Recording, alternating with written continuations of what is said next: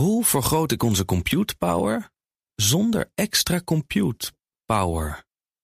Lenklen, Hitachi Virtual Storage Partner.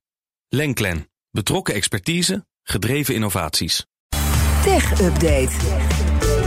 En Joe van Buurik is bij ons. Hey Joe. Dag Liesbeth en Kees. Ja, vers van het eh, AI-debat uh, Mhm. gisteravond. Dat was leuk en Ja. inhoudelijk dus. Ja, ik ga het eh, terugkijken en luisteren. Zeker doen. Maar we beginnen met eh, ook AI. Want Nederland steekt bijna 14 miljoen euro in een eigen alternatief voor de techniek achter ChatGPT. Dus het Precies. gaat om de techniek. Ja, het eh, taalmodel dat erachter zit, GPT-NL moet dat dan gaan heten. En dat is interessant, want ongeveer precies een jaar geleden kregen we ChatGPT. En dan hadden we natuurlijk heel vaak al de gehoorde kritiek... dat ja, Amerikaans techbedrijf niet zo begaan met onze waarden... privacy, auteursrecht. Dus wat is er mooier dan een volwaardig Ja. Nederlands alternatief? Nou, de tijd zal moeten uitwijzen of dat het wordt. Maar in ieder geval is het net bekendgemaakt door TNO... dat dat ontwikkeld wordt in samenwerking met het Nederlands Forensisch Instituut... en SURF, Coöperatieve Vereniging voor Nederlands Onderwijs en Onderzoeksinstellingen.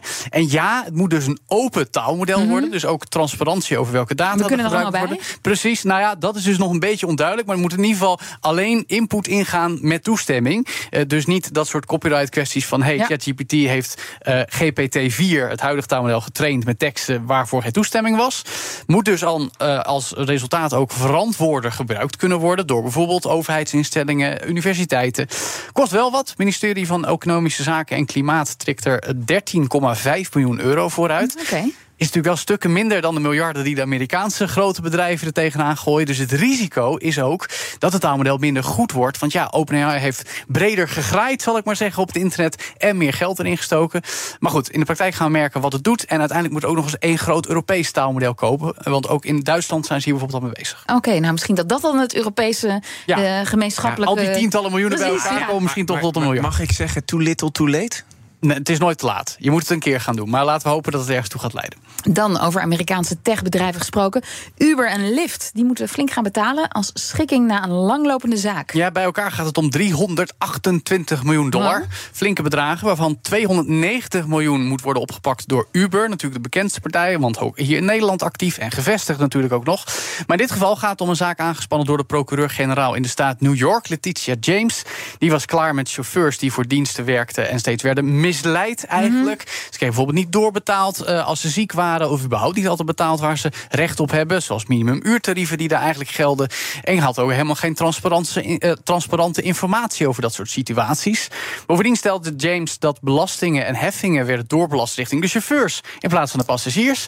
Dus ja, ook Ja. dat was niet helemaal in de haak. En bekend van wat er in Nederland vaak wordt besproken, dat chauffeurs als zelfstandigen voor de diensten moeten werken, terwijl dat juist ook in dienstverband moet kunnen. Eh, meer dan 100.000 huidige en voormalige chauffeurs van Uber en Lyft moeten zo kunnen aanspra- eh, aanspraak gaan maken op het geld dat met die schikking betaald wordt. het komt dan uiteindelijk nog tot eh, Precies, die mensen krijgen toch nog waar Ja. ze recht op hebben. En ja, dit soort praktijken, ik zei het al een beetje, kennen natuurlijk van eh, de zaken in Nederland die al gespeeld hebben. Al hoeft Uber hier nu nog geen chauffeurs in dienst te nemen. Dat leerden we een maand geleden. Maar ja, het gerechtshof in Amsterdam heeft nog wat meer tijd nodig om uit te zoeken hoe dat nou precies zit in de zaak die FNV heeft aangespannen. Over een week of twee gaan we trouwens meer horen daarover, want dan is er weer een zitting. Ja, dan duurt het nog maanden voordat we daar weer En in Europees verband was er ook een zaak, toch? Voor, met Uber. Ja, dus ja, ook daarvan moeten we nog maar gaan merken wat er gaat komen. Het is wel opvallend. ehm, de zaak is geschikt natuurlijk. Dus ik dacht, kijk even wat dat met de koers doet. Uber 6% in de plus. Ja. Lyft bijna 8% in de ik plus. denk weet- dat ik weet waarom, want ze spinnen het in hun persbericht heel erg als... kijk, dit is een win voor iedereen, dit is een blauwdruk voor alle staten in de VS. Ja, en als, we als, gaan er, het zo doen. als er geen rechtsgang komt vervolgens, dan scheelt dat natuurlijk ook wel weer heel veel geld. Hè? Dus dat ook. het- Dus ze proberen het, is eh, duidelijkheid Ze proberen het ja. letterlijk en figuurlijk te schikken, zou ik maar zeggen. Aan de TU Delft hebben ze een nieuw ultrasterk materiaal ontdekt... dat erg geschikt is voor Ja, amorf silicium carbide. Mooie naam, afgekort tot A-SIC. Maar mijn natuur en scheikunde zijn, precies, zijn nooit heel erg goed geweest. Dus ik heb het persbericht zo goed mogelijk gelezen. Interessant, het is net zo sterk als diamant en grafeen. Enkele van de hardste metalen die we kennen.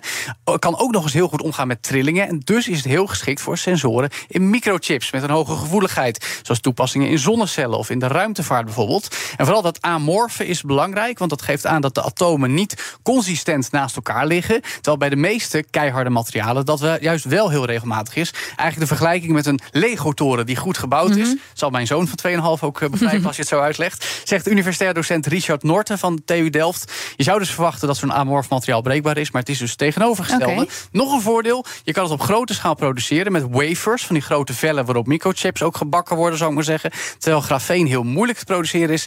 En ja, diamanten, daarvan weten we, die zijn zeldzaam en Maar het is dus een, een, een geproduceerd materiaal. Het is Ja. niet ontdekt ergens Nee. in een aardlaag. Nee, nee, het is echt zo. het In een lab ontwikkeld. hebben ze het ontwikkeld. dat Is het een beetje te betalen? Want als je dan bijvoorbeeld een verlovingsring moet kopen, diamanten zijn duur, Ik dan weet doe je er niet een of beetje je- aan sick in. Ik weet niet of je een amorf siliciumcarbide ring aan je geliefde moet geven. En wat hij of zij daar dan van Nou, behalve als je heel erg in de tech bent. Dat is het maar wel. Dankjewel, Joe van Buurik. De BNR Tech Update wordt mede mogelijk gemaakt door Lenklen. Lenklen. Betrokken expertise, gedreven resultaat. Hoe vergroot ik onze compute power zonder extra compute power?